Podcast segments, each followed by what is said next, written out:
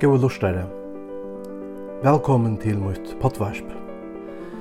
Jeg øyte Jon Hart Jekvansson, og er søknarprestor i Øyes prestakjelte.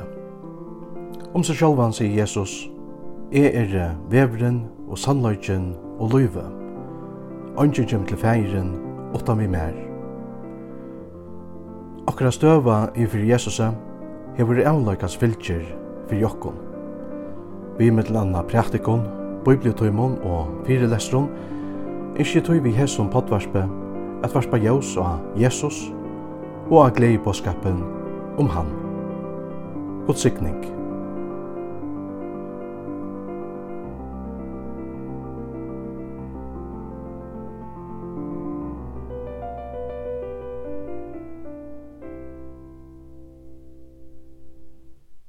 Vi høyra onketøy om menneskjå, Som undrande sier at jeg har finnet et helt nytt liv. Etter kunne være menneske som etter 20 år vi alvarsligere sjuko, brottelig har finnet det bjekter vegna omkran høyleva, etla omkra skorvidjer. Av vår valda i sjukan i uttara gjerande steget, men nu kunne de brottelige gjøre alt møvligt som de alls ikke kunne gjøre åren. Så er det òsne vi vikjande akkurat kristne og trygg. Og i Jesus får vi et helt nytt liv. Paulus han sier det også så leies.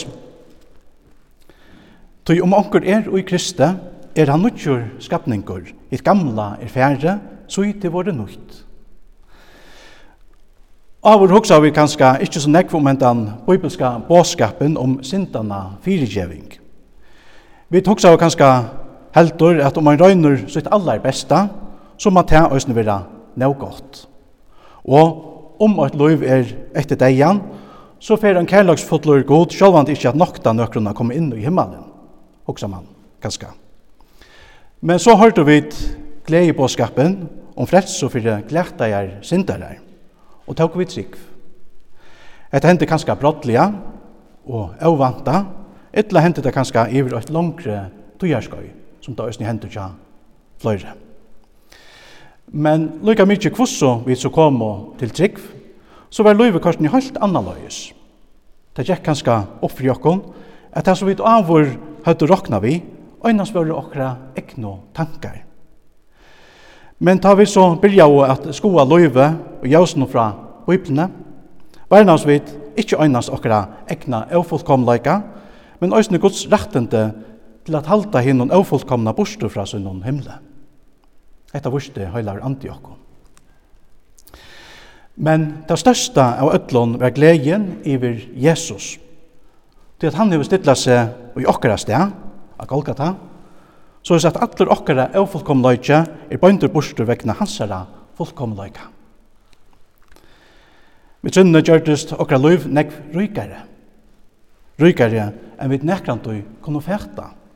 Et liv vi fratse, frie, vogn og glede i Herren. Men hetta nutja løyve som kristen skal korsene livast under Taimusom og gamle kårene. Paulus er østene inni oss nær, av stedene her han sier, «Du jeg vilja er mer åndsje fire, men at utinna hitt gaua er jeg ikke mentor. Du at hitt gaua som jeg vil, gjer jeg ikke, men hitt illa som jeg ikke vil, det gjer jeg.» okkara avfullkomleikje, heldur og vi at være her, høyast vi er komin til trygg. Men hitt nutja er hekta, at vi ikkje langer nøyast at leta kom kua av okkara avfullkomleikje. Det at ønsken som tror Jesus, verur fordømtur for det skøyva og for sintnar og løyvnum. Og etter det som Paulus legger denta, og i Romerbraunen 8, 8, her han sier, de fantastiske årene, så er det noe ønsken fordøming for de som er i Kristi Jesus. Høyast av fire heldelse så løyes at vi tver etter fer vera mynt av okkara sint og avfullkomløyka, så innskjer vi korsene vegna Jesus ståra kjernløyga til okkon at gjøre det som er godt i hans herra eion. Herumframt vil jeg vi også gjøre det som er rett og godt i fire gode Du det stendet jo skriva fer etter fer og i bøyblene hvordan vi øya at liva.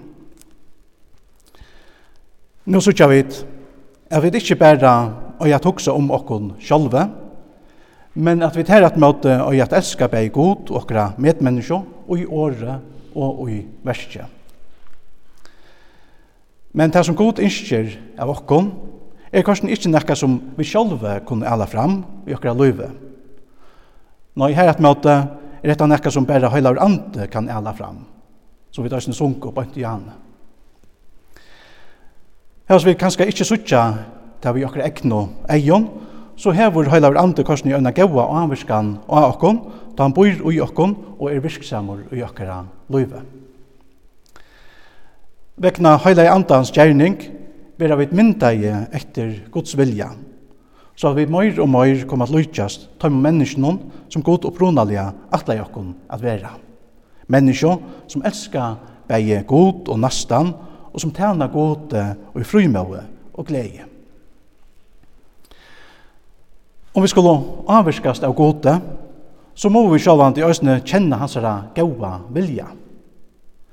Det mest bøkstavlige, så vi i overhøver kunne finne i bøyblene, vi vil kjente spørningen om hvordan vi øya at liva er det tutsjo bøyene.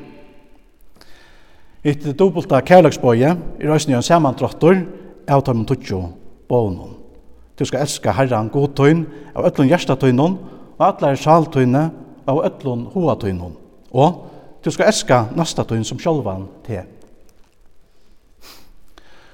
Og i Erro Mosebøk 20 lesa vi om de tutsjo bøyene. Her får vi til større løyreglene fyrir hetta løyve. Fyrir det fyrsta, du måst ikkje hava ærar godar. God skal alltid hava fyrsta plåss i tøynum løyve. Du måst ikkje misbruka navn herrans godstøyns. Guds navn endurspeklar hans herra egnu naturo. Tog er det òsne at det stendur som nekv i bøypni om at vi er at vira hans herra navn, at vira Guds navn. Du er det også at Jesus selv lærer dere å bia bønna høylagt være navntøyt. Vi halda Guds navn høylagt i okra løyve. Minst til at halda kviledegjen høylajan, tria på. Jesus sier, kviledegjen var til fyrir menneskene skuld, og ikke menneskene fyrir kviledagsens skuld. Begge likamlige og andalige, hava vi som menneske bruk fyrir kvild og andaligere avfittling. Då gör jeg vet at halda kvilledegen høyleian. Kvilledauren var til fyrir okkom. Æra fægertøyn og maurtøyna. Vi døya at øktast og elska god, så vi ikkje vannvira foreldre okkara og herrar okkara, eller få illt ut deg, men halda deg i æro, tæna døymon, akta, elska og vira deg, sier Lotter og Lutlo katekismus. Og da han sier øktast og, er, og elska, han sier øktast, så mest det altså at respektera. Ikke at økta så som man renner undan, men at man respekterar god. Du måste ikkje slåa i hel. Etta bøye sier bare bæge til til at drepa et anna menneske, men òsne til dømes til at herta et anna menneske. Og i fyrra Johannesabrann 3.15, her sier Johannes, Hvert han som hættar brauer er manndrappare. Så det er òsne øyla tøtninga mykje at ikkje geng og hætta folk. Vi tar at øktast og elskar god, så vi ikkje gjerra nasta okkara nekran skia, eller nekka møyn, allika med, men hjelpa honom og dona honom og kvarjere nei og deia voa, sier Lotter òsne. Du måst ikkje drive hår, sakta på. Etta boi omfattar allan seksuellan launa, som ikkje samsverar vi Guds vilja, vi tjona lannon, mittlen mann og kono. Vi tar at øktast og elska god, så vi liva silia og samlia og i åre og verske. At ein og kvart elskar og ærer ektafellega sånn, sier Lothar Røysene. Kjenta på, du måst ikkje stjala. Vi skulle øktast og elska god, så vi ikkje stjala eller snyta.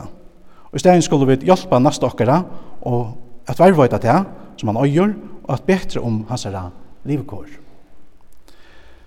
Du måst ikkje bæra renga vittnesbord i måte nasta tøynum. Vi skulle øktast og elska god, så vi ikkje likva om nasta okkara, svoitja han etter bæra slektor om han.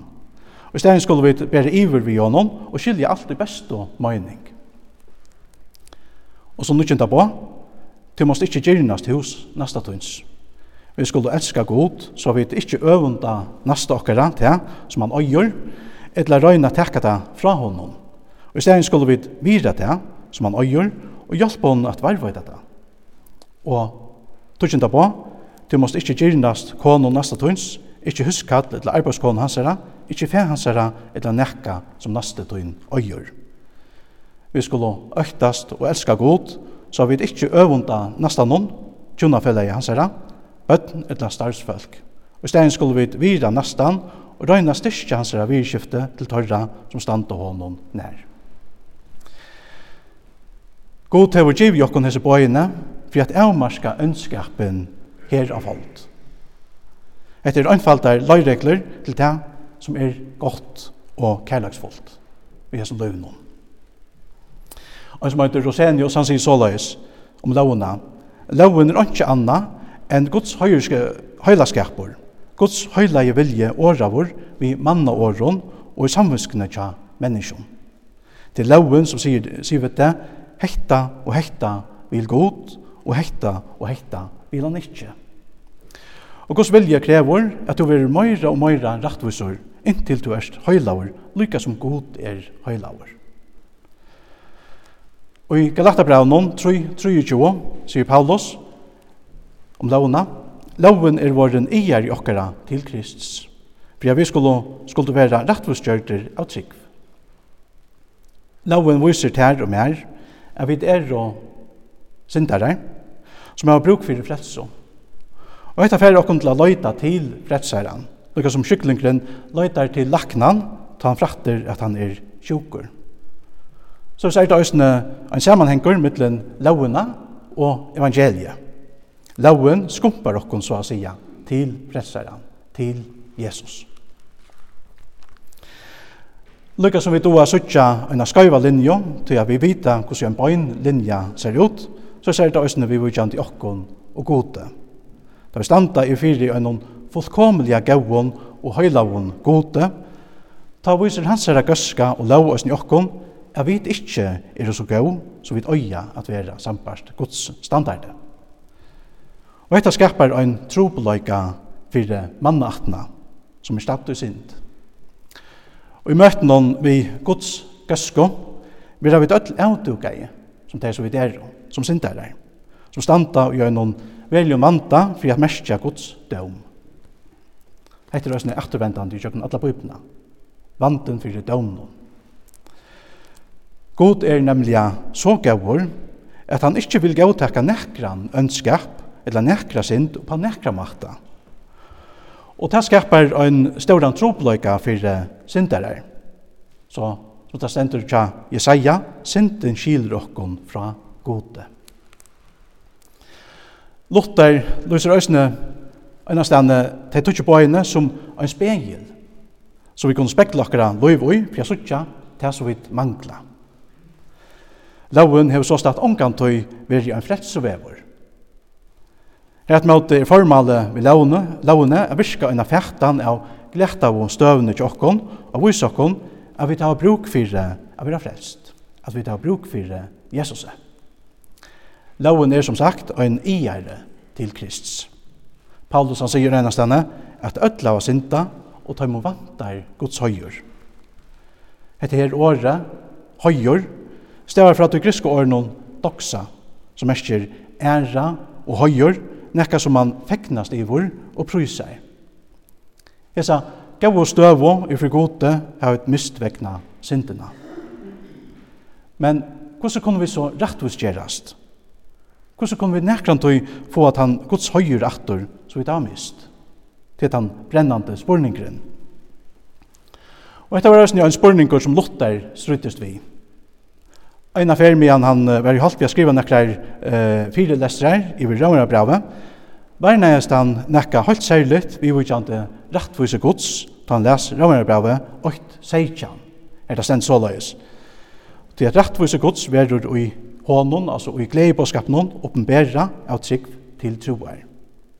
Og matur, tog at rættvise gods verur i glei på skapnon, oppenbera av trygg til troar. Luther var varnaðist at rettvise gods og i Rammerbraunen 8.16 ikkje sipa i til hendan egenløykan tja sjálfum gode a vera høylaur og rattvisur, etter rettvise som god dømer syndarar og euratvis etter. Fyrir Luther skapa i en slik fjertan av Guds rettvise bera møyra rastlo fyrir gode. Og her fann han onkan salafri. Men så fann han ut av at rettvise gods og i Rammerbraunen 8.16 sipar til rattvise som god tilroknar og rattvisen menneskjon. Rattvise som vi fåa gjøknon Jesu rattvise. Talan er altså om at rattvise fra gode, her den ratta støvan i fire gode, kommer fra sjolvon gode, og ikke innan ur okkon sjølvon. Rattvise gods forsteie av hentan hatt ver en hor inn til paradis fire lotter, fire en plavajan lotter. Her fann han nemlig et rettvise som han kom til kvile i, i fyrir en høylavun gode. Og Jesu rettvise, det vil si, og Jesu rettvise fann Luther salarfri. Paulus tror vi ni i etta ståra temaet som Luther kallar fyrir en hor inn til paradis. Og etta temaet kommer som en veljur gledebåskapur inn i en myska støvo.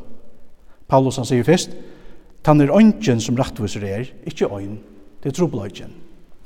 Men, så sier han, men, nu er rettviser gods, så vittner om av lovene og profetene, og er en åpenbæra åttan lov. Det er rettviser gods, vi trygg av Jesus Krist, fyrir öllun tøymon og iver öll tei som tryggva. Det er ønsken måneder er, det er öll av synda, og tøymon vantar gods høyur, og tei vera rettvisgjørt fyrir ønsken av nai hansara, vi endurløysingene som er ui Kristi Jesus. Så han er okkara rettvise. Han er okkara retsa. Jesus.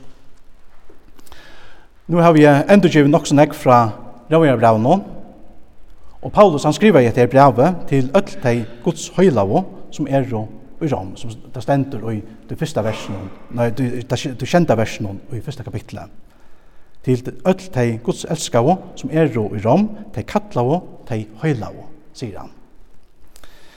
Men brevet i korsene er ikke til tei kristno og i Rom.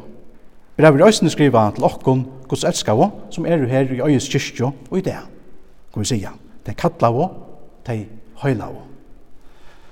Men kunne syndarar som vidt vera elskaje av gode, kallaje av gode og høylaje, kan vi spyrja, Og her er svære grøyt, ja, det kunne vi.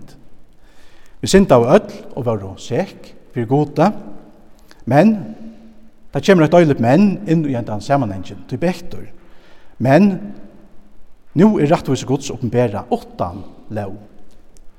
Loven vurste jokkon hverje vid våro og hvert vid manglavo. Og dette var ikkje en vever til fredso for jokkon. Men Og i gledebåskapen finner vi veien til frelse. Tøy skammeist Paulus ikke vi gledebåskapen. Han sier, tøy skammeist ikke vi gledebåskapen, til at han er Guds kraft til frelse for kvønt han som tror. Og tøy skulle vi heller ikke skammast vi gledebåskapen. Så kan vi spørre, hvor er gledebåskaperen, Guds kraft til frelse? Jo, at det er nemlig oi skapen om Jesus, at rattvise gods vil oppenbæra.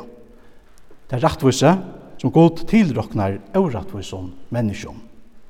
Det vil si Jesu rattvise Jeg kommer kvile i hans herre rattvise, og ikke akkurat egna. Alt dette kan løsast ut fra Rømerbraunen 3.28, er det sentor, til at vi talte til at menneskjan blir rettvis gjørt av trygg åttan lavargjøringar. Ikke at det er man skal gjøre hekt og hekt og hekta for jeg tokna skote, men at man kviler og trunner av Jesus og i hans herre rettvise. Hekta er fredsveveren som Guds år viser okkon. Veveren attor til Guds høyer. Her vid ui Jesus og i hans herre rettvise er du elskaje, kattleie og høyleie. Etla som vi sintja i øynnon santja, som er damer så ølja vel. Røyner som kjave, frelse i havet, finnje vi Jesu Kristra blau. Åre mer sier, et nu er frigjør finnjen til lampe futtjentans lau. Frelstur i ære, sælur bestui, Jesus og sonur deian djekkoi. Frelstur fra daume, himen i haume. Amen. Halleluja. Altså, røyner som kjave, frelstur i heve, finnje vi Jesu Kristus er. Alt og jeg vid, og Jesus er.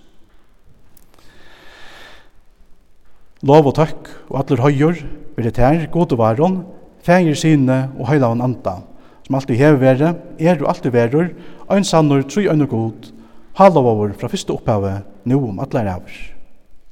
Amen.